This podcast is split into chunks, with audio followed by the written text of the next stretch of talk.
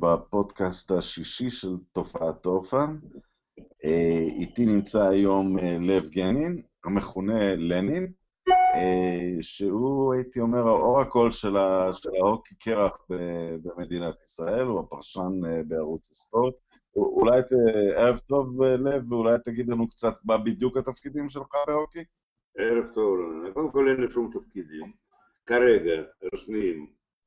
אבל אני אוהב של הוקי, שחקן הוקי בעברי, שיחקתי גם בברית המועצות, אבל התחנכתי באחד מבתי ספר להוקי הכי גדולים במדינה, באותם שנים שהייתה מעצמה על, בספורט בכלל ובענף הזה בפרט, ופה גם כן הייתי מאלה שבעצם לפני כמעט 30 שנה הביאו את הענף הזה לישראל עם העלייה הגדולה של שנות ה-90 עמדנו, איך אומרים, אבות, אבות המייסדים של הענף בארץ, גם שיחקתי כמה שנים בנבחרת ישראל, הייתי גם נשיא התאגדות באותם שנים, אבל אחר כך לא, לא עסקתי ב...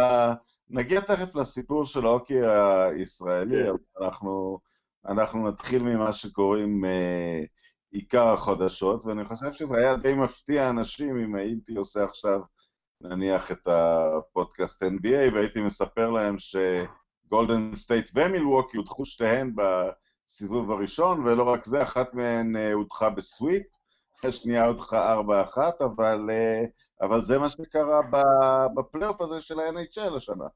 כן, זה, זה עדיין, אה, אנחנו בסיבוב ראשון, וכבר דיברנו על זה לא פעם איתך, לא ב... בשיחות רשמיות, על זה שהליגה הזאת כל כך מפתיעה וכל כך לא צפויה, שאי אפשר באמת אה, אף פעם לנחש ולהעריך מי יהיה בגמר, מי יזכה בגביע, זה נועד לכישלון מראש, יש... אבל, אבל טמפה, טמפה לא רק מדורגת ראשונה שהודחה, טמפה עשתה עונה היסטורית. עונה היסטורית, ושנה שעברה היא גם הייתה קבוצה הכי טובה, היא הגיעה לגמר האזורי, במשחק שביעי בבית, בעצם קרסה מבחינה מנטלית מול הווסנגטון שהלכה עד, עד הסוף. בכלל יש ב-NHL, אגב גם ב-KHL, בליגה שמשוחקת במדינות ברית המועצות לשעבר, בעיקר ברוסיה, יש שם מה שקוראים קללת המקום הראשון. ב-KHL פעם ראשונה השנה, אחרי 11 עונות, קבוצה שזכתה בעונה רגילה גם זכתה בגביע. צסקה. צסקה. וב-NHL גם כן שנים קבוצות שמסיימות במקום ראשון, לפחות ב Presidents' Trophy בעונה רגילה, לא מצליחות להגיע גבוה, יכול להיות, אגב וושינגטון שלוש שנים רצוף זכתה בזה ותמיד נפלה בסיבוב שני מול פיטסבורג בפלייאוף, שנה שעברה עשתה עונה מאוד לא משכנעת, עונה רגילה, ודווקא באותה שנה היא זכתה בגביע, כנראה גם חלוקת הכוחות ולהביא את הקבוצה לכושר המתאים בזמן הנכון, זה גם כן אחד מהמסקנות שבוושינגטון הגיעו. והצלחה בעונה רגילה לא מבטיחה שום דבר, למרות אבל, אבל מה קרה ל... אבל, אבל אם אתה צריך לנתח מה, מה קרה לטמפה, רק לסבר את האוזן. אז טמפה...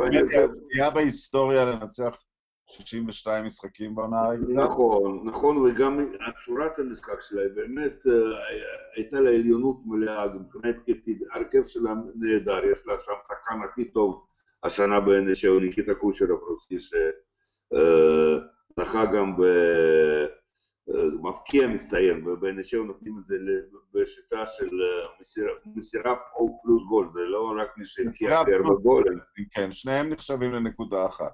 לנקודה אחת. אגב, הכי הרבה גולים מבקיע אביישקין עוד פעם, 51 שערים גם כן, הוא עושה את זה כל ענה, ואפילו גרצקי כבר דיבר שאם הוא משחק עוד שמונה שנים, אז הוא חישובים שהוא יכול גם לעבור אותו. בסופו של דבר, דבר שנראה לפני כמה שנים כלא מציאותי. לעבור אותו בסך ההפקעות.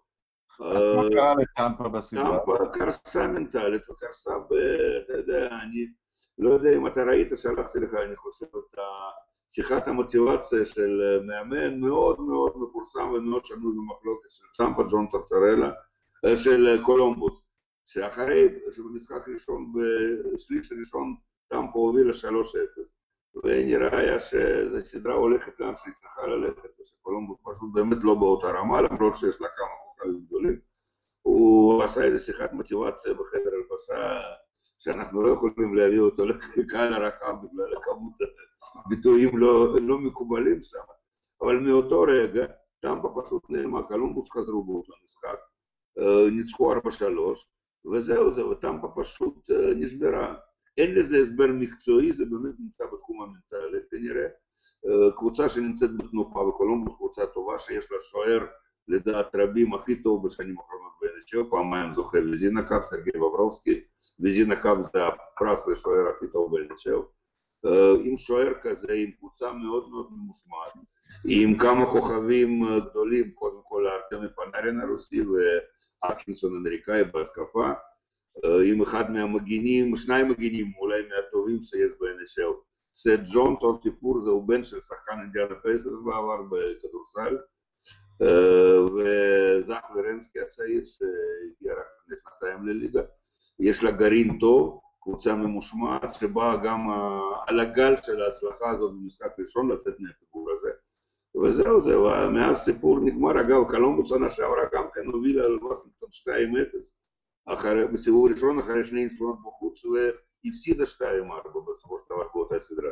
אז הרבה חששו שטמפה תבוא לקולומבוס, ובכל זאת העליונות שלה תדבר, זה לא קרה, וסביב ראשון בהיסטוריה של קבוצה ראשונה, מפסידה לאחרונה בסביב, זה לא היה דבר כזה, היה שקבוצה ראשונה, מדורגת ראשונה, הפסידה 0-4, זה היה בצ'יקגו לפני שנתיים, אבל שהיא תפסיד בסביב קבוצה שזכתה בפרזידנט טרופי בלי לנצח אף משחק עוד לא היה, ואם לא מספיק את זה, אז במערב קלגרי, שגם כן עשתה עונה נהדרת, וקבוצה צעירה עם הרבה כישרונות, גם כן באה כפייבוריטית ברורה מול קולורדו, שרק במחזור האחרון התברגה לפלייאוף. אמנם לא sweep, אבל 1-4 גם כתוצאה מאוד מאוד מפתיעה. ושתי האחרונות בסיבוב שני מחכות ליריבות שלהן שעדיין לא נקבעו, בגלל שבסדרות המקבילות המאבקים הרבה יותר צמודים. זה פחות או יותר סיפור של ההפתעות הגדולות. למרות שהיו עוד כמה, ואם אנחנו קצת נרחיב על הפלייאוף, אז ניצחון של איילנדרס על פיטסבורג 4-0, גם כסוג של הפתעה, למרות שאיילנדרס עשו עונה טובה, אבל קבוצה בינונית, שהכוכב הגדול שלה זה המאמן בארי טרוץ, שעבר השנה מוושינגטון, אחרי שזכה איתה בגביע היסטורי, קבוצה שאיבדה את הכוכב הגדול שלה, ג'ון טווארס, שעבר לטורונטו. פיטסבורג שזכתה לפני שנתיים ולפני שלוש שנים בגביע, ונחשבת קבוצה נהדרת של הפלייאוף, לא משנה שיחקה עונה רגילה, פשוט לא יכלה לקבוצה מסודרת של איילנדרס, 4-0, מבחינתי לא פחות מפתיע מהניצחון של קולומבוס, אולי לא עצם הניצחון של איילנדרס, אבל הקלות הזאת 4-0. ונזכיר שפיטסבורג עם סידני קרוסבי ועם מאוקן קבוצה באמת מפוארת מאוד. לב, אתה דיברת פה, הזכרת את קללת המקום הראשון. יש עוד קללה שאני חושב שב... שאפילו קצת גורמת לתחושה לא נעימה כלפי מי שעוקב אחרי המשחק.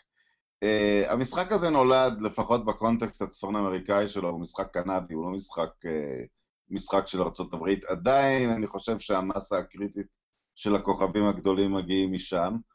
וקנדה כמה שנים ממתינה לאליפות? יותר? משנת 93. באחרונה מונטריאל זכתה מול לוס אנג'לס של גרצקי, זה היה העונת 92-93. איך אתה מסביר את זה? איך אתה מסביר שה... אתה יודע, שה...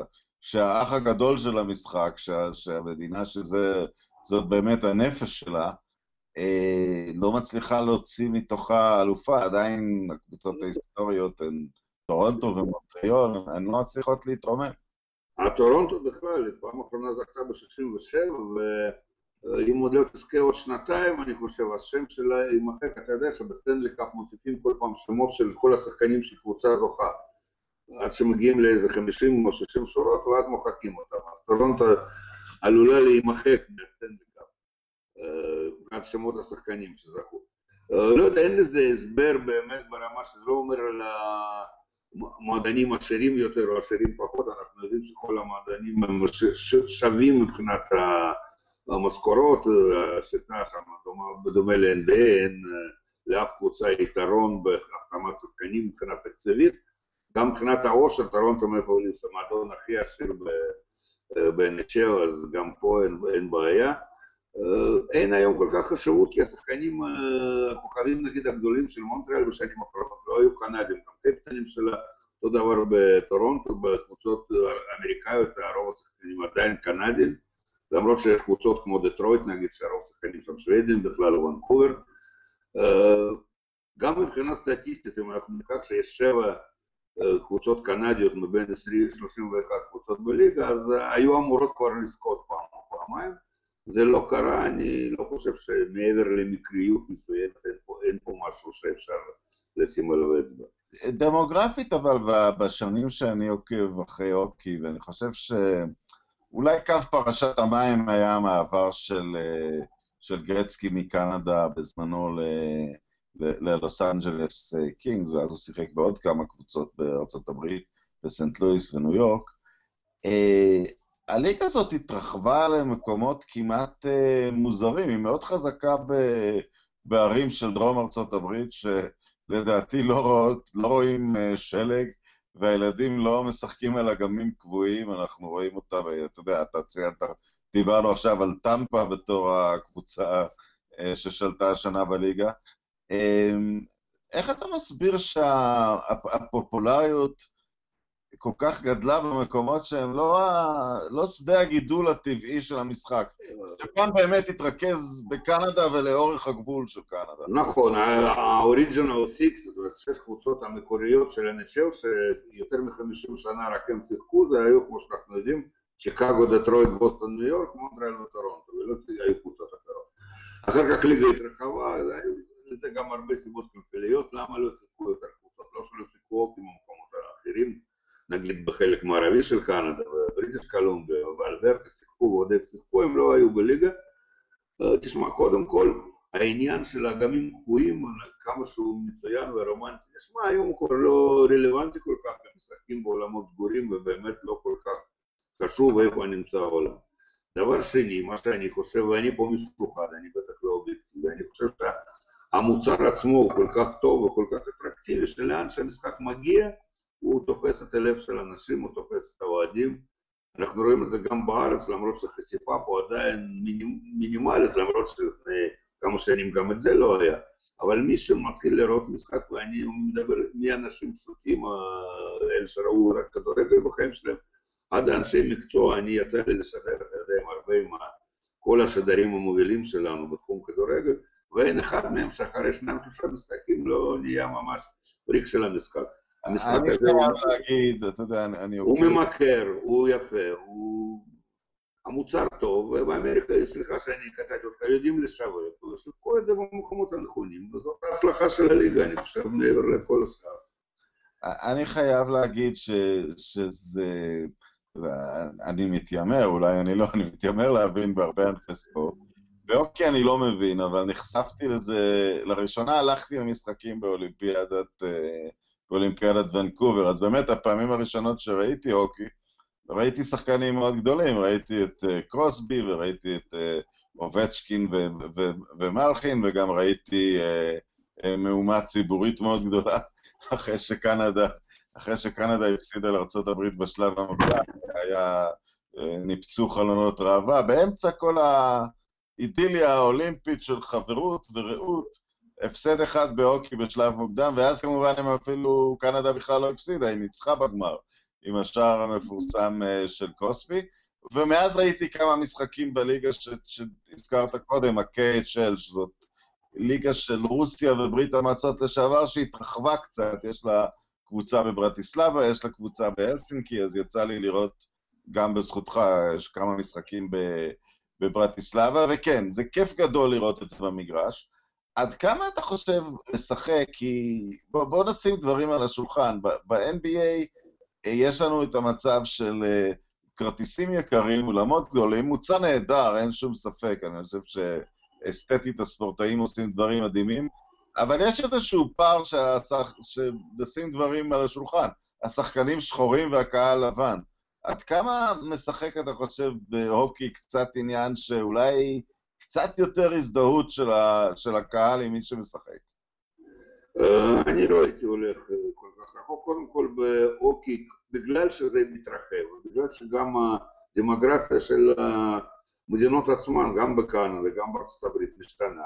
אז אתה רואה יותר ויותר שחקנים שחומי עור גם באוקי, וביניהם כמה כוכבים גדולים מאוד, טיקי סובן, אני לא חושב שיש היום אולי מבחינה תקשורתית כוכב הכי גדול שיש היום, חוקי יכול להציע, שהוא גם מעבר שלו ממונטריאל לנשוויל היה מלווה בהרבה מאוד רגשות מכל מיני כיוונים. עכשיו אנחנו רואים בפלייאוף כמה שחקנים מאוד מאוד מפורסמים שמשחקים, ריבס בלס וגאס, ואנדר קיין בסך חוזה, שחקנים שחומי עור, שוויוני לגמרי. ההתפתחות של המשחק לאזורים דרומיים גם כן תרמה לכך, אני חושב. וחוץ מזה, תשמע, נזכיר שאוקי, בדומה לכדורגל, בוא נגיד את זה במרכאות, ספורט של אנשים נורמליים. אנשים ממדי גוף נורמליים. אין שאלה, זה גם חלק מה... אתה יודע, הקהל הולך למגרש בתחושה שגם הילד שלהם עם... נכון, נכון. כן, לברון ג'יימס לא נותן לך תחושה שגם אתה יכולת לשחק. נכון, נכון, זה הרבה יותר נגיש, זה, זה בעייתי אולי מבחינה אחרת, מבחינת הציוד, וזה, בגלל זה הכדורגל הוא תמיד יהיה משחק מספר אחד, כי הוא באמת נגיש לכל אחד, ובוא נגיד ככה, המשחק הכי זול, והכי פשוט והכי טבעי. אבל לא כי זה, אנחנו רואים, גם דיברנו על כמה כוכבים גדולים היום, דיברנו על פנארין ואטקינסון נגיד בקולומבוס, הם בחורים מתחת למטר שמונים, שתבין, זה לא איזה שהם מפלצות אדם, שלא ברור בכלל איך, איך, איך הם הגיעו לעולם הזה. אגב, בהקשר הזה, לפני, בשנה שעברה, נסעתי לברטיסלבה דווקא לכתוב כתבה על שחקן יהודי, אפילו עם אזרחות ישראלית בזמנו, שרבטוב, אבל דיברתי, לא, בעצם זאת הייתה שנה קודם, פגשתי שחקן ג'ונתן צ'יצ'ו, שהוא, אתה בטוח מכיר את הסיפור שלו, אינדיאני, מאחד השבטים, ממקום כל כך נידח בקנדה, שהוא סיפר לי שהוא לא ראה מקדונלדס עד גיל 16. שהוא התפרנס עם אבא שלו בציד, בסירות, והייתה לו עונה אחת שהוא היה מלך השערים. סן חוזה הוא עדיין מלך שערים של סן חוזה בכל הזמנים. כל הזמנים, והוא סיים פה את הקריירה באירופה, והוא סיפר לי, זה היה מאוד מרגש, הוא אמר... שהוא ו... ש... שמהמקום שבו הוא גדל, שממש הם גדלו בכתות עץ, והם צדו והם דגו, שהוא מסתובב במקומות כמו וינה וברטיסלבה ואומר, לפעמים אני נעמד מול בניין ולא יכול לזוז, אני רק יושב ומסתכל עליו. אבל עכשיו ל- ל- לנקודה אחרת, שהזכרנו את, את, כל ה- את, את, את כל ההפתעות. לפני כמה שנים הלייקרס פיגרו 3-0 מול דאלאס בסדרה, והם הפסידו אותה בסוף 4-0, ושאלו את קובי בריינט אם הוא חושב שהלייקרס יכולים לנצח את הסדרה, אז הוא אמר, אה, בהוקי זה קורה כל הזמן. טוב, בעצם מסתבר שמ-3-0 לניצחון, וגם אפילו בהוקי זה קרה רק פעמיים או שלוש. לא, זה קרה ארבע פעמים, ואגב... חלק היו מאז, מ-2010. כן, בסך הכל בכל הספורט מקצועני בארצות הברית, בליגות הגדולות, איפה שיש סדרה חוץ מ-NFL, איפה שיש סדרה טוב משבע, זה היה סך הכל חמש פעמים, פעם אחת כולם יודעים פה את... כן, של בוסטון. מול רד סוקס בבייסבול, כל הארבע פעמים האחרות היו בהוקי. באותה שנה שקובי דיבר דווקא קינגס, שמשחקת באותו עולם של לייקרס, פיגרה בלי יתרון ביתיות, שלוש מול סן חוזה, וניצחה ארבע שלוש, ועד האליפות, עד הגביע. אבל זה מביא אותי לשאלה, אתה יודע, בשנה שעברה זה גם היה סיפור גדול ומאוד מתועד. לוס וגאס נייטס הגיעו לגמר בעונה שהם הוקמו. זה ההישג הכי גדול, אני חושב, לקבוצת אקספנשן בארצות הברית, אולי מלבד ימים מאוד מוקדמים, אני לא יודע. והשנה שתי המדורגות ראשונות עפות. ואנחנו... זה לא קצת יותר מדי? זה לא קצת, אתה יודע, מוריד את התחושה שהמצוינות מנצחת? אנשים באים לראות גם גדולה, זה קצת מצביע על איזושהי מקריות. תשמע, אנחנו תמיד אפשר להתאפס למשהו, כמו שאתה אמרת, ולראות בכל דבר, אתה יודע, את הצד השלילי. יכול להיות שיש בזה משהו, אבל בגדול. ואני מדבר פה, בוא נגיד, נבדיל בין אוהד קבוצה מסוימת ובין אוהד ספורט בכלל, ענף אוקי בכלל. בשביל אוהדי האוקי זה נהדר. זה נהדר, כי תמיד יש דרמה ותמיד יש עניין, וקבוצות באמת ליגה שוויונית מאוד. יש קבוצות באמת יותר חלשות שהן גם לא עולות לפלייאוף, מן הסתם. קבוצות שמגיעות לפלייאוף הן ברמה מאוד מאוד דומה. לא תמיד קרה שהפייבוריטים ממש נפלו.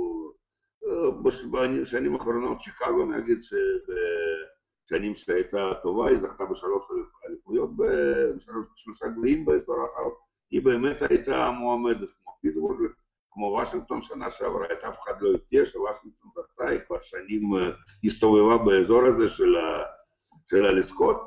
הסיפור של לס וגאס הוא סיפור באמת ייחודי, אבל זה גם אומר עד כמה השיטה עובדת, שיטה שוויונית, הקבוצה שמוקמת היא מן הסתם מקבלת שלושה שחקנים מכל קבוצה קיימת שאתה יודע, הם חייבים להכשיר אותם וכמובן מפשיעים שחקנים שהם לא, לא כל כך רוצים אותם.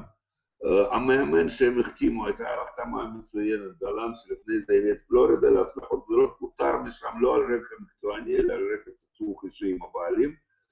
עשו עבודת management נהדרת, ואנחנו יודעים שבמועדנים האלה, גם ב-NHL, גם ב-NBA, צריכים להיות ברמת הניהולית, לדעת עבודה טוב, צריכים תמיד לפנות את המקום בתקציב, לוותר על שחקן בשביל לייפר וכך הלאה.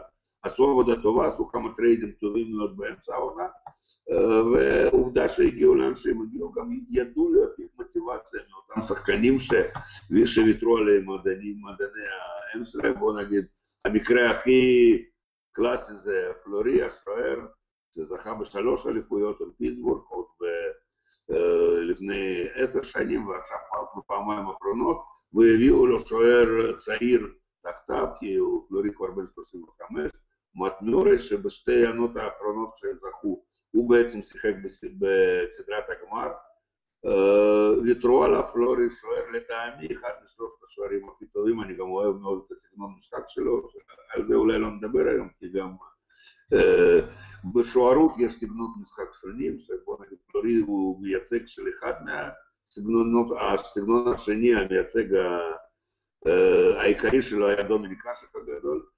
ופלורי הוכיח שנה שעברה פשוט עונה פנטסטית, הרבה, אתה יודע, כמה תלוי בשוער בהוקי, לא רק בהוקי, אבל בהוקי במיוחד.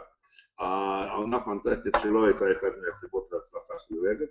אגב, גם השנה הם ממשיכים, הם עכשיו אומנם מיתרון 3-1 הם עמדו אותו ל-3-3, היום הפסידו בלילה בדאבל אוברטיים לסם חוזה, שהשוותה סדרה ל-3-3, במשחק שביעי חוזר לסם חוזה, אבל זה שהם הגיעו השנה בבטחה לפלייאוף, אומר שזה לא היה חד פעמי מקרי, באמת בנו שם קבוצה טובה, תשתית אוהדים נהדרת, הכל שם מכור מראש כבר שנתיים קדימה, למרות שבתחילת השנה שעברה עוד היו שם פה ושם קרחות ביציעים, אבל ברגע שהקבוצה התקדמה, והיא כבר באמצע העונה שעברה בעצם שיא נקודות בשנה שעברה של קבוצה חדשה. אני חושב שזה נהדר, לס גם מקום שהוא טוב מאוד ליחסי ציבור לענף, כי זה מקום שמושך אליו הרבה אנשים, ואגב, זו קבוצה ראשונה באחד מליגות המקצועיות בלס וגאס. אתה יודע שאין לא בפוטבול, לא בבייסבול ולא ב... נכון, צריך לציין בהקשר הזה, ליגות חששו לבוא לווגאס, בגלל הקשר להימורים, אבל בעקבות הלוס וגאס נייטס, גם הריידרס בפוטבול, הם צריכים לסיים שם איזו בנייה של איצטדיון, אבל גם הם הולכים לעבור ללוס וגאס. אני... אגב, מתווסף לקבוצה 32 בסיאטל, אם אתה יודע, בעוד שנה, בסיאטל שאיבדה את קבוצת NBA שלה לפני כמה שנים, עכשיו תהיה קבוצת NHL, גם עיר חשובה מאוד מבחינה ארצית מהרבה מאוד בחינות, אז עוד, עוד קבוצה תצטרף למשפחת NHL. אני חייב לציין אבל ש, שבשנות ה-80, כשהתחלתי קצת לדעת מה קורה בהוקי, לא להבין, דווקא, דווקא היו שתי שושלות, את האיילנדרס לקחו ארבע אליפות. ואדמונטון לקחה ארבע מחמש, או כמה ארבע רצוף. הדברים התנהלו אז בשיטה אחרת, פחות שוויונית? לא, קודם כל היו פחות מועדונים, באמת, היו גם, תשמע, גם הש... בעשור האחרון, אם אנחנו נסתכל, עזוב וושינגטון שהם לא, לא זכו, אם ניקח עשר שנים האחרונות, חוץ מאליפות אחת של בוסטון, היה שלוש של שיקגו, שתיים של קינגס ושתיים של פיטסבורג. זאת אומרת, עדיין אותן קבוצות שהיו בצמרת כל השנים האלה הם גם שזכו. אפשר לקרוא לזה מיני שושלת, שיקגו זכתה לסירוגים שש שנים, הם הגיעו גם לגמר, אחר כך זכו וכך הלאה. אפשר להגיד שעדיין מועדונים גדולים שמצליחים לבנות דור טוב, הם שולטים למשך לפחות 10-12 שנה, עד שהם מצליחים לשמור על ההרכב ועל הכוכבים, הרבה תלוי במאמנים. לא תמיד אגב בחירות דראפט מבטיחות, אנחנו יודעים גם בכדורסל, לאדמונטון היו כמה בחירות דראפט ראשונות ובחרו שחקנים נהדרים, ואחרי עונה אחת שעלו לפלייאוף, עוד פעם שנתיים מפספסים, זאת אומרת אין לזה ממש הסבר, בשנות 80 זה כבר היה בשיטה כמו, כמו הפעם, בקבוצות חדשות שהצטרפו. באמת נוצרה אז באיילנדרס אולי יותר, זה עוד היה קצת יותר מצומצם, התקופה של אדמונטון כבר באמת נוצר שם הרכב נדיר באיכותו, ואגב שחקנים שעזבו אחר כך הצליחו מאוד במועדנים אחרים, והביאו אליפויות, מסי בניו יורק, מסי הביא את האליפות, שהאליפות האחרונה של צריך לציין, אגב, אני קצת, קצת היסטוריה, ה-NBA במקור נוסד על ידי בעלי קבוצות ההוקי, כדי שיהיה מה לעשות עם האולמות בימים שהם במשחקי חוץ או בימים שאין, בימים שאין משחקים. זאת גם הסיבה שה, שהאורך של העונות הוא כמעט זהה, אני חושב שזה 80 בהוקי. 82 משחקים בהוקי. גם 82, אז גם אותו... 80 זה אותו דבר, זה גם באותם תאריכים, זה באותם אולמות. השנה אומנם מעט קבוצות, יש רק שלושה אולמות שיש שם קבוצת בפלייאוף. זה בוסטון, טורונטו ודנבר שיש שם קבוצות נשאר מכל ההיסטוריה הזאת נשאר, נשאר ארגון אחד שיש לו קבוצות גם ב... גם בהוקי וגם בכדורסל, זה ג'יימס דולן הבעלים של הניקס ושל הריינג'רס, שתי הקבוצות גרועות מאוד, אז כנראה שיש משהו, יש. אגב, אם כבר הלכת כל כך רחוק להיסטוריה, אותם בעלים קבוצות ניצ'או שנהיו בעלים של קבוצות NBA, הם גם היו בעלים של רשתות שידור עיקריות. ה-CBS הקנדית הייתה בבעלות שלהם, זאת אומרת, זה גם אחת מהסיבות למה הם לא התרחבו למערב. כי זה לא טעם את האינטרסים הכלכליים שלהם, אנחנו מדברים על שנות 50-60. סיפור מאוד מאוד אנקדוטי בעניין הזה, שמי שהיה, אתה יודע, הוא עדיין גדול האלופים של הספורט האמריקאי, ביל ראסל, הוא נבחר רק, רק שלישי בדראפט, והעסקה בין בוסטון לרוצ'סטר רויאלס, שהיה להם את הבחירה הראשונה, כללה את זה שבוסטון נתנה לרוצ'סטר, רוצ'סטר רויאלס, אגב, אחרי מיליון מעברים הם היום הסקרמנטו קינגס, נתנו להם מופע של הופעה על הקרח, על, על המשטח קרח, תמורת ביל ראסל, שאחרי זה זכה ב-11 אליפויות ב-13 שנים, אז אפשר להגיד שה, שזה אחד הטריידים הכי חד צדדיים של איזשהו אה, ענף ספורט. אני רוצה לסגור את הצד של ה-NHL, רק לשאול אותך שאלה. אה, כמו לכדורסל, אה, ל-NHL היה בשנות ה-80 וה-90 הספורטאי הזה שחורג, וויין גרצקי, שחורג מכל מה שאפשר uh, להשיג בענף שלו, uh, uh, דומה למייקל ג'ורדן, למעשה אפילו יותר דומיננטי באיזשהו מקום, נדמה לי שהיה תשע פעמים MVP או שמונה. Uh, מצד שני, אולי ההשפעה תרבותית, לבוש ונעליים, אולי כנראה שג'ורדן השפעה יותר גדולה, אבל קיימת התופעה כמו בכדורסל של... יש כמעט מרירות שעולה איזה לברון ג'יימס ואומר, אני אהיה גדול כמו, כמו מייקל ג'ורדן, ואז הדור מבוגר כמוני מתבצר ואומר, מה אתם מדברים שטויות, הוא, הוא לא קרוב אליו. איך היחס בין... אני חושב שכוכבי הדור הזה הם בעיקר קרוסבי ואובצ'קין.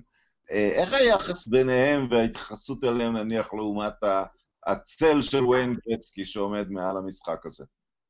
תשמע, קשה, אני קודם כל מאוד לא אוהב את כל ההשוואות האלה, לי יותר גדול, וזה עניין של אישי, אתה יודע, זה גם בכדורגל, כל הזמן הוויכוחים האלה, פלא, מרדון, כל אחד לפי טעם שלו, וזה לא אומר שהם לא היו הכי גדולים, אותו דבר על גרצקי.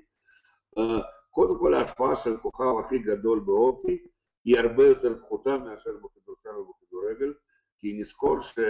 גם הכוכב יכול להיות מקסימום שליש מהזמן על הקרח, זאת אומרת אין לו אפשרות לשלוט במשחק כמו שיש לג'ורנו שהיה למרדונה נגיד בארגנטינה. ברור שגרצקי זכה באמת בכל התארים, היה גדול מכולם, אבל לא נשכח באיזה קבוצה הוא שיחק, ועובדה אחרי שהוא עבר, הוא לא הצליח לזכות באף קבוצה שהוא שיחק בה, וזה לא במקרה.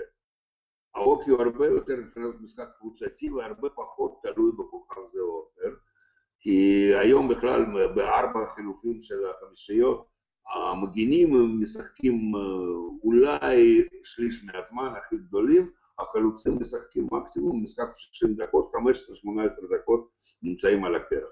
ומפה תבין כמה שאתה לא תהיה כוכב גדול, אתה ההשפעה שלך למשחק היא בסך הכל רבע מהזמן.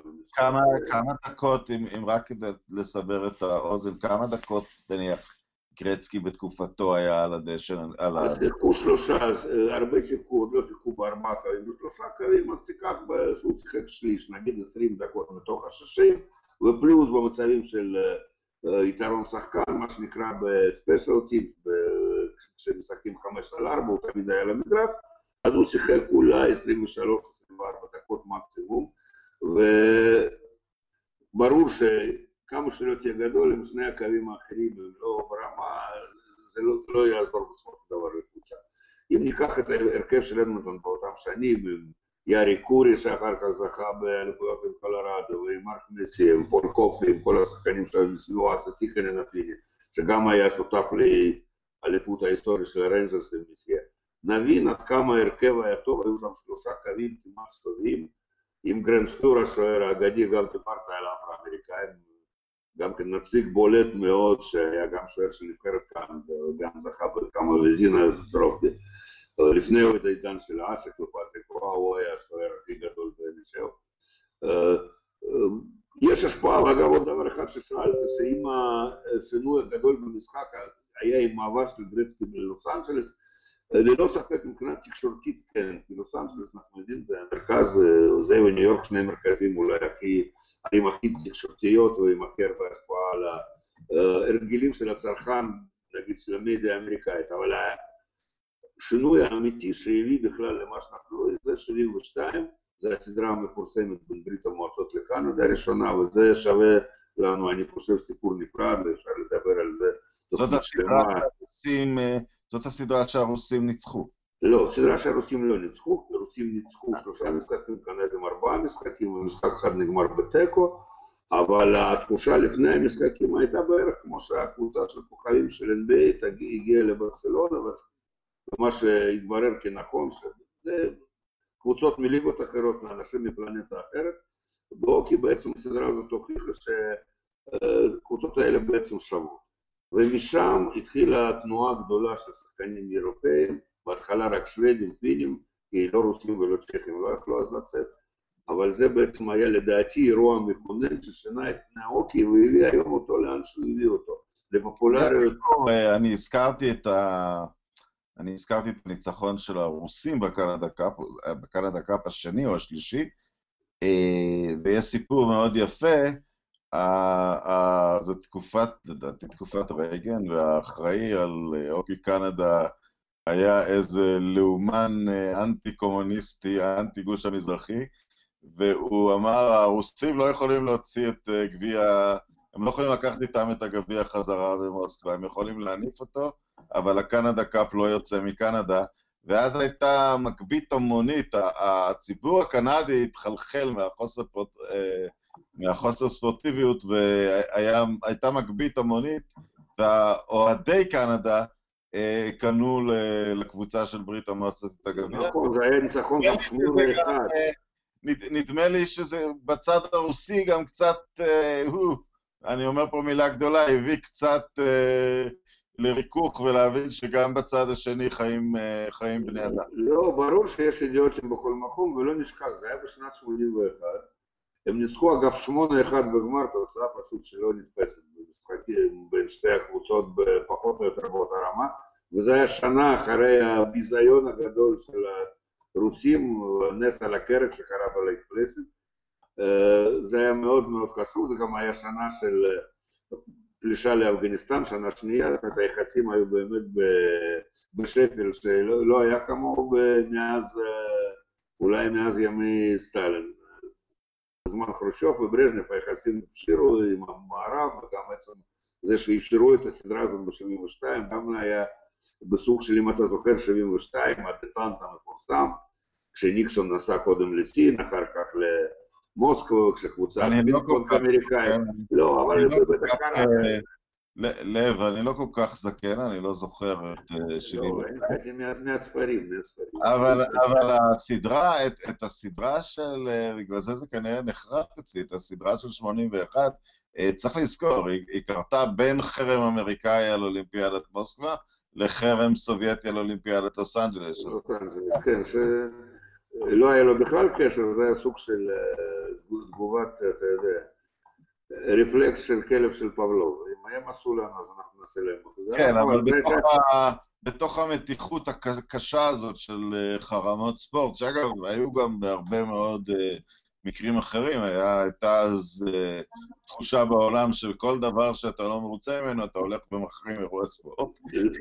לא, וגם היו אז כבר סדקים. בחרם, כי נגיד במוסקו השתתפו בריטים, נגיד שהם לא הלכו עם ארצות הברית, ובלוס אנג'לס השתתפו רומנים שהם לא הלכו עם הגות שלהם. רומנים ויוגוסלבים, כאילו. כן, זה היה חרם חלקי שכבר הראה על הסדקים, ולמזלנו התקופה הזאת עברה מן העולם, ולא שבתקופה שלנו אין בעיות, אבל הם כבר מסוג הזה. אוקיי, אני אשתמש פה קצת בקיצור שעשינו לפוליטיקת מזרח-מערב לגבי אופי. ועשר שנים קדימה מגיעה לישראל מה שנקרא העלייה הרוסית, למעשה מכל מדינות ברית המועצות, מיל, מיליון אנשים, שאני חושב ש... ש... לב, אתה היית חלק מהעלייה הזאת, נכון? לא, לא, אני הגעתי בשנת מעלייה יותר מוקדמת. אני הגעתי באחרונים שהגיעו לפני הפלישה באפגניסטן, וכשלגמרי סגרו את היציאה. שהתחדשה בעצם בשנת 80, בתחילת 81 באו אנשים אחרונים, ואז יצאו אנשים אחרונים, כי אז באותה תקופה הרוב הלכו בכלל לארצות הברית, מעטים הגיעו לישראל. אוקיי. Okay. והתחדש ב-87 הזרם שהוא הלך וגבר, ב-90-91-92 הייתה בעצם העלייה הגדולה באמת, וכשאתה אומר מיליון זה היה הרבה יותר. אוקיי, okay, אז, אז האנשים האלה, אני חושב שזה... אני חושב שזה, זאת אומרת, זו הבחנה שלי כמי, ש, כמי שהשורשים הרוסים שלו הם מאה שנים אחורה, אבל אה, הם, הם אה, נשארו בתקופה מסוימת באיזשהו אה, גטו תרבותי, הם קראו את העיתונים שלהם, הם, הם קראו את הספרים שלהם, ההורים עדיין דיברו רוסית בבית, אני לא יודע איך זה בדור הזה, אבל אם אתה מסתכל בטווח של ה-25 שנים שעברו, בהקשר של הוקי בלבד, אני לא רוצה שתפתור פה את כל הבעיות. אתה חושב שהדור הבא של, של הילדים של עליית ברית המועצות הוא עדיין, עדיין מעניין אותו הוקי, לעומת נניח כדורסל? מעניין ולא פחות, ואם אתה uh, קצת uh, תסתובב פה, בין המגרשים, בין מועדונים, בין המגרשים המעטים שיש, ותראה כמה חוגים וכמה ילדים ואיזה ביקוש יש לזה. מה שעכשיו היה לפני שלושה שבועות כשסלאבו פיטיסו בא לבקר שם, זה פשוט לא יאומן. איזה התעניינות, מה שהולך במגרש בחולון, שאי אפשר שם לקבל קרח בשביל לאמן ילדים, כי הקרח כל הזמן תפוץ ויש התעניינות ענקית, מתאמנים על הרולר, מתאמנים ב... והכל זה בהיעדר תקציבים, כמו שאתה יודע, זה בעצם הכל בנוי על יוזמות פרטיות של אנשים פרטיים ש... והילדים האלה, והילדים האלה הם ממש במרכאות ילדים רוסים? עוד פעם, זה תלוי באיזה אזורים, באזורי מרכז יש הרבה יוצאי ברית המועצות לשעבר, משפחות, הילדים אגב כולם שנולדו כבר בארץ, בצפון דווקא כמעט ואין רוסים, במטול יש הרבה ילדים ממגזר הלא יהודי, יש מכפרים דרוזיים, מגיע קבוצת בנות מנצרת, מתאמנות כבר יותר משנה, יש פרויקט מיוחד שנשיא ההתאגדות הקודם של ישראל הביא אותו מה-IHF, מהתאגדות הלאומית, לפיתוח, לאוקי, כי פיתוח קשרים בין הדתיים, פרויקט מאוד מאוד יפה, ובפרויקט הזה בנצרת המרכז שלו, ויש שם כמה אנשים שעושים עבודת קודש, יש מלא מלא בנות דווקא, גם מוסלמיות, גם דרוזיות, גם נוצריות, הן משחקות על הרולר, הן באות למטולה, באה קבוצה גדולה מאוד, וזה היה ממש מרגש. אז במטולה גם הרבה מאוד מקיבוצים מסביב, כמעט ואין שם מה שקרוי בשפת העם רוסים. הרוב שם דווקא או ישראלים או בני מיעוטים. האמת שזה רוסים לגמרי, אבל הרוסים של 1925. כן, ברור, כן. יש שם גם הרבה אנגלוסקסים, כי הרבה מקהילה, גם המרכז הזה מן הסתם הוא, לא סתם קוראים לו מרכז קנדה, יש שם גם תמיכה גדולה מאוד ממגבית קנדה, מיהדות קנדה, אחד מה... האנשים העשירים ואוהדי הוקי ואוהדי ישראל, סידני גרינברג, שהוא ספונסר של הרבה פעילויות שעוברות שם, בגלל שיהודי קנדי, ותשמע, אני מקווה שלא רחוק היום, שיבוא לנו גם סילבן אדמס כזה, שהוא יהיה יותר מרק ספונסר מממן של קבוצות ילדים, אלא של משהו הרבה יותר גדול. מה שיכול להזיז את זה, אולי זה... בוא, נסתכל על זה ככה, אני, אני מסתכל על נניח ההופעות של ישראל באולימפיאדת החורף, והן מתחילות בשנת 92, כשבאמת הנציגות היא, היא יוצאי ברית המועצות, מחליק על הקרח בשם מיכאל שמרקין היה הנציג הראשון שלנו, אבל דבר מאוד מעניין, שאפילו ילדים שגדלו בישראל ולא הגיעו נניח ספורטאים מוכנים מברית המועצות, כבר השיגו הישגים מאוד מרשימים בהחלקה אומנותית, אני זוכר. גם בשורטטרק, ביקרנו פה... אני ספציפית זוכר, אבל אני ספציפית זוכר שהסיבה שהייתי באולימפיאדת ונקובר לא הייתה לראות הוקי, נשלחתי בגלל שהאחים זרצקי, האח ואחות, השתתפו בריקודי קרח, והם היו ילדים שעלו לישראל בגיל, היא הייתה בת שנה והוא היה בן חמש, אז כל ההכשרה שלהם הייתה בישראל, והם סיימו במקום העשירי באחד מהענפים הכי מרכזיים של אולימפיאדה. ומה נגיד על גלית חייט, שהיא גם נולדה בארץ? כן, אבל חייט, חייט התחנכה ספורטיבית בארצות הברית. בסדר, אבל היא ילידת הארץ. אני שם... אני שם דגש על זה שהידע, לא, הסיבה שאני מפריד את זה, זה שהידע המקצועי בארץ, אמנם של ההורים שלהם, הספיק כדי להפוך אותם לספורטאים אולימפיים מאוד תחרותיים. אבל גם אנחנו רחוקים ממצב של, של שחקן הוקי משמעותי.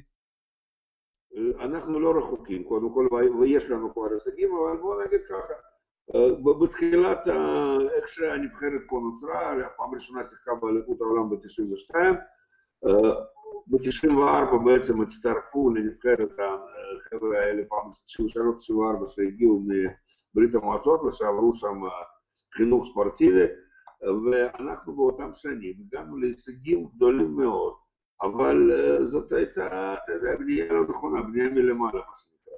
פשוט עדיין כשעוד היינו בגילאים נגיד 30 פלוס, זה עדיין היה גיל מספיק צעיר, בתוספת בית ספר שעברנו בשביל להתמודד שווים מול שווים מול קבוצות אירופאיות מהדרג האמצעי, קבוצות שיש בהן ליגות מקצועיות, קבוצות כמו בלגיה נגיד, מדינות יוגוסלביה לשעבר, שהיום נמצאות בדרגים יותר גבוהים מישראל.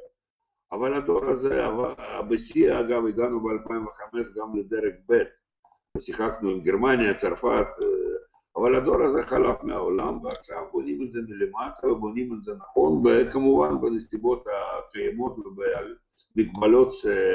שיש לנו פה, נבחרת הנוער שנה שעברה עד גיל 20, זכתה בהישג מדהים, מדליית זהב בדרך כלל ניצחו את סין, ואני לא סתם מציין את זה כקבוצה סינית, קבוצה מקצוענית, קודם כל הם מארחים אולימפיאדת חורף הבא. כן, הם עובדים, הם עובדים. עכשיו, יש להם קבוצת KHL. והקבוצת הנוער שלהם משחקת ב-MHL, שזה ליגת הנוער של ה-KHL, כולם שם שחקנים מקצוענים, ולנצח אותם ולעלות דרך, זה היה אחד אולי מההישגים הכי גדולים, והכל על טהרת ישראלים. אני אמרתי את זה באיזשהו ראיון שנתתי פה בטלוויזיה, שעם נבחרות שלנו שהגיעו להישגים, דיברו רוסית בחדר הלבשה וקצת, אנגלית, אז נבחרת הזאת דיברה כולה עברית, וזה בעצם העסק הגדול, וזה הולך להימשך. הפופולריות שלה גדלה, אנחנו עכשיו גם עומדים לפני אפשרות של פריצה פשוט מדהימה בענף הזה, בטח נדבר על זה בהזדמנות אחרת. לא, לא, אנחנו נדבר על זה תכף, אנחנו גם נסגור את זה. אבל זה סיפור באמת מעניין, אבל כמובן הידע שהבאנו משם, כמו בהרבה ענפים, וכמו בכדורסל אגב, הרבה ידע שהבאנו מיהודים אמריקאים. ואתה יודע את זה, טל ברודי. אולי לב, לב, אז אולי מה שחסר לנו זה טל ברודי של ההוקי. האיש האחד, הדמות ש... שייתן איזושהי תקווה, שייתן איזושהי דוגמה, ש... קודם כל יש תקוות ויש דוגמאות, יש לנו ילד ישראלי שהשנה היה בדראפט, אמנם לא נבחר, אבל בוא נגיד ככה, זה היה, כמו שאומרים פה על הקשקש, הוא גם היה פצוע בשנה האחרונה, ואם לא היה פצוע היה נבחר וגם נבחר די גבוה, ילד שנולד בארץ, בכלל גדל על מגרשי רולר, גם כן סיפור מדהים, הגיע לדראפט ולא נבחר, בסופו של דבר יש לנו ילד, אמנם ילד ברית המועצות, היום כבר ילד, השנה הוא סיים קריירה מאוד מפוארת, שכללה גם ליגות טובות באירופה, הוא סיים אותה באנגליה, שנבחר בסיבוב שני על ידי ניו ג'רסי בשנת 2000, מקס בירבראייר, השנה הוא באנגליה סיים כשחקן מצטיין בקבוצת קרדיף, ובאנגליה אתה, שמכיר את הספורט האנגלי, יודע שהאופי שם גם כן בתנוחה גדולה מאוד. כן, הוא בעלייה. גם ליגה בעלייה, הם גם הגיעו עכשיו לדרג העליון. שנה שעברה הייתה אליפות מדהימה בבודפשט, אגב, עם שהם ניצחו את הונגריה במשחק סופר דרמטי בדקה האחרונה שם עם התהפוכות, חבל, מי שלא ראה את המשחק הזה לא ראה מתח מימיו. אני רוצה לציין משהו בעניין הזה. כן. שבאזור הזה של העולם, אני, אני, אני חי בבודפסט, אוקיי, צ'כיה היא כמובן מעצמה... וגם סלובקיה. כן, צ'כיה, צ'כוסלובקיה הייתה מעצמה היסטורית מאוד של המשחק, ו, והגדולות האירופאיות האחרות תמיד היו רוסיה, שוודיה ופינלנד, אבל... פינלנד לא הייתה, אגב, פינלנד לא הייתה, פינלנד הצטרפה משנות ה-90 רק. לגדולות. רואים עכשיו התרחבות, רואים בסלובניה יש הוקי טוב מאוד, בקרואטיה יש הוקי לא רע, בהונגריה ברמת, ה, ברמת הנוער זה, זה הפך uh, מאוד מאוד פופולרי. אחד היתרונות של ההוקי על, ה, על הכדורגל, uh, שכל המדינות הקטנות האלה יכולות לעשות ליגות משותפות הרבה פעמים, אז יש, ריכוז, אז יש ריכוז של קבוצות טובות, זאת אומרת ש... קבוצות צמרת, והגולת הכותרת של זה זו הליגה הרוסית, ה-KHL, שמחזיקה קבוצות, ציינת קבוצה מסין, אז יש לה, אני חושב שגיאוגרפית היא הליגה הגדולה בעולם, כי הקבוצה הכי מזרחית שלה היא בסין, והקבוצה הכי מערבית שלה היא בברטיסלבה, בהלסינקי, אני לא בטוח מה יותר. הקבוצה הכי מזרחית, מזרחית שלה דווקא במולדיבסטוק, זה עוד יותר... אה, נכון, נכון, רוסיה עוד ממשיכה, רוסיה לא נגמרת אף פעם. נכון, זה ממש על... על השפת ים היפני. לא, אבל, אבל, אבל זה מביא אותי לשאלה, כל, ה, כל ההקדמה הזאת של הליגה שהיא כמעט מקנדה, כמעט מגבול קנדה עד זאגרב. אה, מה, מה התקווה של... אולי מה שאנחנו צריכים זאת קבוצה ישראלית בתוך הליגה הזאת. אז זהו, אתה פשוט מתפרץ לדלת פתוחה. אה, אנחנו הרבה שנים, ואתה יודע, אני שנים מחפש פה איך לקדם את הענף ולבנות עוד מגרשים, ועוד פעם, יש קושי בזה, מה שעשה בוריס בחולון זה דבר גדול, בוריס חייב, אבל זה עדיין מגרש לא אולימפי, אי אפשר לארח פה אליפויות בינלאומיות ולהביא ליותר מודעות וליותר חשיפה. אז ליגת חשב הזאת מחפשת להתרחב, רוסים מאוד מאוד רוצים להתרחב, זה עניין של, אפשר להגיד כמעט מדיני, כי אנחנו יודעים שמי השולט באוקי ברוסיה זה שני המונופולים הגדולים מאוד, אחד זה גזפרום, שני זה רוסנפט, זה בוא נגיד ככה, אני רוצה לציין בעניין הזה, אני רוצה לציין. סקה מוסקבה, כן, הם רוצים להתרחב, הם מחפשים, ובצדק, הם יודעים שבשביל שהגוף הזה יהיה חי צריך לשווק אותו, אגב NBA גם כן בזמנה, אתה יודע, השיווק שלה בעולם מאוד הצליח, והפופולריות שלה בהרבה מקומות נובעת מהשיווק הנכון, שיווק הטוב, אולי לא הקבוצות, אבל השידורים וה... המסעות של כוכבים וכך הלאה, וישראל בהחלט תמיד, תמיד הייתה בתת מודע על המפה, רק בגלל ששני וחצי מיליון תושבים פה בתקופות כאלה או אחרות פשוט דוברי רוסית בישראל, ויש להם פה מן הסתם קהילה אוהדת כבר מובטחת, פלוס תוסיפו לפה קהילה של הקנדים, צפון אמריקאים, יש, יש לזה פוטנציאל, וחיפשנו, חיכינו לאיזשהו טריגר, והוא הגיע אלינו בדמות של בן אדם באמת אחד מהאייקונים הגדולים של אוקי בדור האחרון, שהוא גם איש נפלא וספורטאי נהדר, הוא גם פוליטיקאי, גם היה שר הספורט של רוסיה, מדובר על סלאווה פטיסוב. אני גם מכיר אותו משהו כמו 45 שנה, כי בתקופת הנוער, אומנם הוא קצת יותר מבוגר ממני, ושיחק במועדון אחר במוסקבה, אבל עדיין אנחנו שייכים, בוא נגיד, לאותו שבט. ויש איזושהי קרבה שבטית כזאת, אתה יודע שהיא לא תלויה באיפה אתה נמצא ואיפה אתה לא נמצא. גם שמרנו על הקשרים, וחברים משותפים. הוא הגיע לפה בפרויקט בכלל שלא קשור לאוטי, די במקרה, זה פרויקט של, הוא שגריר מיוחד של מזכ"ל האו"ם בנושאים של האוכלים, של התקדמות גלובלית, יש להם פרויקט שנקרא המשחק האחרון, שבמסגרתו המשחק האחרון הזה יתקיים בעוד שנה בקוטב הצפוני, ושם הרעיון מאחורי זה, שאם אנחנו לא נספור את כדור הארץ, נושא אקולוגי ותהיה התקדמות גלובלית, אז הספורט החורף שזה כרגע פחות אקטואלי לגבי אוקי, אבל יותר אקטואלי נגיד לסקי ודברים כאלה, פשוט ייעלם, כי לא יהיו שלגים, לא, לא יהיה קרח טבעי וכך הלאה, והרעיון מאחורי זה שהמשחק בקוטב הזה שלא יהיה משחק האחרון.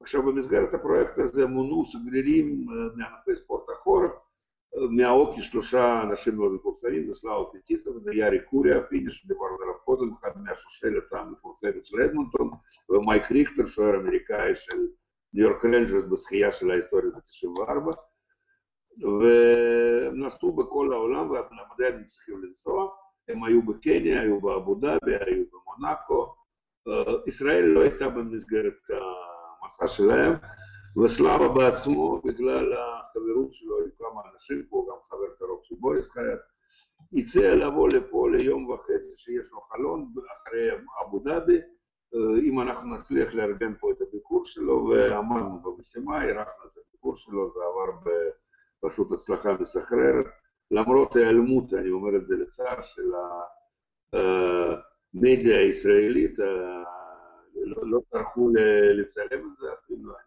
המדיה הישראלית מיישרת קו עם הנשיא בבית הלבן שטוען שאין התחממות גלובלית. לא, אני מדבר לא התחממות, אני מדבר על העניין ספורטיבי. אתה מגיע לפה בן אדם שהוא פעמיים אלוף אולימפי, שעתיים אלוף עולם, שני סטנלי קאפ, בעצם שלוש, אחד כמאמן בניו ג'רסי. אל תלמד אותי על מדיה ישראלית. כן. מגיעים שני צוותים מטלוויזיה אמריקאית, מגיעים צוותים מארבע ערוצים רוסיים, אתה מבין, ורק הערוצים שלנו, אני לא רוצה לפגוע בהם, כי הם בכל זאת נתנו להוקי פה במה. רגע, רגע, לב, אז אני, אז אני מדמיין אתכם הולכים אחרי זה ל...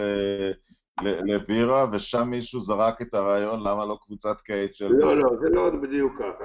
סוף סוף דיברנו על ולדיווסטוק, הוא עומד מאחורי הקבוצה בוולדיווסטוק. גם המגרש שלהם נקרא ארנה פטיסוב. הוא כבר לפני ארבע שנים, חמש שנים שהוא היה בארץ בביקור הקודם שלו, ביקור פרטי, הוא אמר שהוא ממש לא פוסל הקמת קבוצה כישב בתל אביב, אבל זה אז היה פשוט ברמת הצהרה, כי הוא ראה כמה דוברי רוסית יש פה וכמה אנשים של עם עבר ספורטיבי. הפעם זה הגיע ממש לשלב ה... לא גישוש, דיבורים אמיתיים. כבר בן אדם אחד מהקבוצה שלנו, שיוזמת את הפרויקט הזה, נפגש עם הנהלת קייצ'או במוסקו, והם שתי ידיים בעד, הם מאוד מאוד רוצים את זה.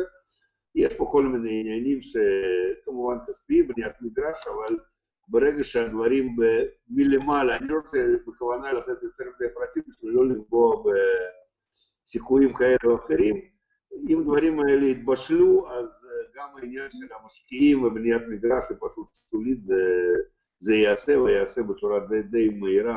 אנחנו מדברים על המגרש, על הארנה בהרצליה?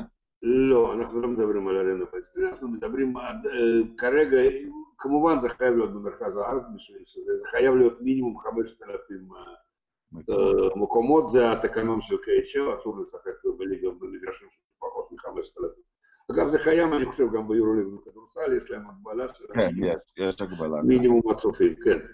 ועובדים פה על תוכניות עסקיות, עובדים גם בצד של נגיד פוליטי, שכמובן שהכל הזה יעשה בכסף פרטי, אבל צריכים איזושהי תמיכה לפחות ברמת ההצהרתית של הדרגים הגבוהים, ואני חושב שאם נקבל אותה, ואני מאוד מקווה שנקבל אותה, הפרויקט הזה יצא לפועל, ואז תחת הפרויקט הזה בקבוצה הזאת, וזה יהיה בדומה משהו, אני לוקח כדוגמה, להבדיל אלף אלפי הבדלות, את קבוצת האופניים של הג'ירו, קבוצה שבעצם מייבאה את הספורט הזה לארץ וגם מעלה את הפופולריות שלו. כמובן שזה, הפרויקט הזה יקום עור וגידים, תחתיו יקומו גם בתי ספר לנוער וגם ילדים והכל, והפופולריות שלנו. זה ילך בטור הנדסי. אני חייב להגיד שני, שני דברים בהקשר הזה מההתרשמות שלי. אחד, כשאני נוסע למשחקים בברטיסלבה, זה שעתיים נסיעה מבודפסט, אז באמת מגיע למשחק ציבור אלגנטי, הציבור של המשכורות ה... היותר טובות, זה אירוע כזה, גברים ונשים ביחד, מאוד, מאוד תרבותי. הכרטיסים יקרים במושגי סלובקיה, הם 25 30 יורו. ואני אני בהחלט, אני, אני רואה בעיניים שלי שחמשת אלפים אנשים בישראל לאירוע מהסוג הזה, כמו שאתה אומר, בין הקהילה האקספוסית לקהילה האנגלוסקסית, לכמה ישראלים שהתערבו בזה, אני לא חושב שזה צריך להיות בעיה גדולה. ממש לא בעיה, במיוחד שאתה יודע, אם אני, עם כל הצניעות, אגיד שאני אקח על עצמי חלק בהפצה של הדבר, אתה יודע, אני... אני חושב שצריך לבנות לבלומפילד גג, ו... כן, לא, אבל באמת, עכשיו ברצינות כמובן שזה לא בעיה, כי אתה יודע, איך אמרו ברומא העתיקה, העם רוצה לחם ושעשועים, אז לחם יש פה מספיק ולכולם, אז שעשועים זאת ההצגה הכי טובה בעיר, אני. הדבר השני שאני רוצה להגיד בהקשר הזה, ואני נכנס פה לפוליטיקה בגרוש, אבל מה שהקייטשל לא הצליח לעשות עד עכשיו, אה, לא יודע כמה הם רצו בזה, זה להשיג ממש ליגה פן, אה, פן אירופאית. הם, לא, הם היו בפראג והם כבר לא, הם לא הצליחו, להיכנס, בשוודיה ובגרמניה לא כל כך התלהבו, כי אמרו שזה יהרוס את הליגות שלהם. אה, בשוודיה סיפור אחר, בשוודיה וגרמניה זה לא אותו סיפור, בשוודיה פשוט העם שבע מהוקי, לא הולכים שם להוקי, מעבר לקבוצות מקומיות שהן ברוב בערים, בערי שדה מה שנקרא, ושם באמת הכל סולד אאוט. בגלובן, המגרש הפנטסטי בסטוקהולם, באליפויות העולם, בשלבים מוקדמים העולם פשוט ריק. אוקיי. מה שלא קורה לא בסלובקיה, לא בצ'כיה, לא בבלארוס, אפשר... אבל בצ'כיה אני יודע... בצ'כיה אני יודע שהיה פה קצת עניין של פרוטקציוניזם והם רצו... כן, כן, זה נפל על הסיבות לא עניין, כי הלב גם הגיעו לגמר וגם הצליחו למלא את המגרש הענק הזה, היו מאוד פופולריים, שם זה באמת נפל על הדברים שהם כבר לא בתחום הספורט. אבל אני אומר, דווקא לאור העניין הזה, שישראל קצת יותר קרובה פוליטית לרוסיה מאשר רוב מערב אירופה היום, אז זה צריך להיות, זה צריך להיות התפתחות די טבעית בשביל... נכון, זה גם תחום שהוא בקונצנזוס, אתה מבין? זה לא... זה ענייני, בוא נגיד ככה, תרבות וספורט הם אותם עניינים שאפשר בקלות למצוא את השפה המשותפת ולא משנה להתרחק קצת מענייני דיומה ובכל העניינים שבמחלוקת, אלא להתרכז בדברים ש... וזה טוב לשני הצדדים, אז נסיים בזה לב למשחק הפתיחה, שני כרטיסים, אתה שומר לי, כן? אני שומר לך פשוט מנוי לכל העונה. מה זה שני כרטיסים? אתה... אבל אתה יודע, בצד הזה, אתה שומר אותנו ברמת חשיפה גבוהה לענף הזה ולא באופן חד פעמי. בסדר, תודה רבה לך, נמשיך גם ליהנות ולעקוב אחרי הפלייאוף, אתה יודע, זה בין, זה משתלב טוב עם השעות של ה-NBA, אז היום יש משחקים שמאוד מאוד מעניינים, דאלאס נשוויל שיכול להיות משחק האחרון, וגם משחק של וושינגטון, מאוד מאוד מעניין, אנחנו נעקוב, נראה, וכל אחד יהיה אוהד של הקבוצה שחולת. יש לנו לילה לבן לפנינו. אז נבחרת ישראל פתחה את אליפות העולם בדרך שלה, אתמול בניצחון יפה מאוד על איסלנד, 6-3, והיום משחק מול ניו זילנד, שנחשבת יחד עם איסלנד וישראל כשלוש קבוצות החזקות בבית הזה. אני יודע את האהדה שלך לנבחרות ניו זילנדיות למיניהן, אז גם נבחרת ההוקי שלהם מבצעת את הריקוד המפורסם לפני המשחק, וניצחון היום על ניו זילנד בעצם יבטיח לישראל כמעט סופית מדליית זהב ועלייה לדרג יותר גבוה, אז נאחל לקבוצה שלנו הצלחה, המשחק יתחיל בעוד שעתיים בערך. אוקיי, תודה רבה, נאחל להם גם בהצלחה, תודה, ש... תודה שהיית איתנו, נתת תמונה, לקחנו תמונה מאוד רחבה פה, ותודה לכל מי שהקשיב, אתם יכולים להוריד אותנו בכל uh, אפליקציות, אתם uh, יכולים להגיב ב-thebuzzer.com, אני אעלה פוסט ש... שמקביל לפודקאסט הזה, ולהשתמע. תודה רבה.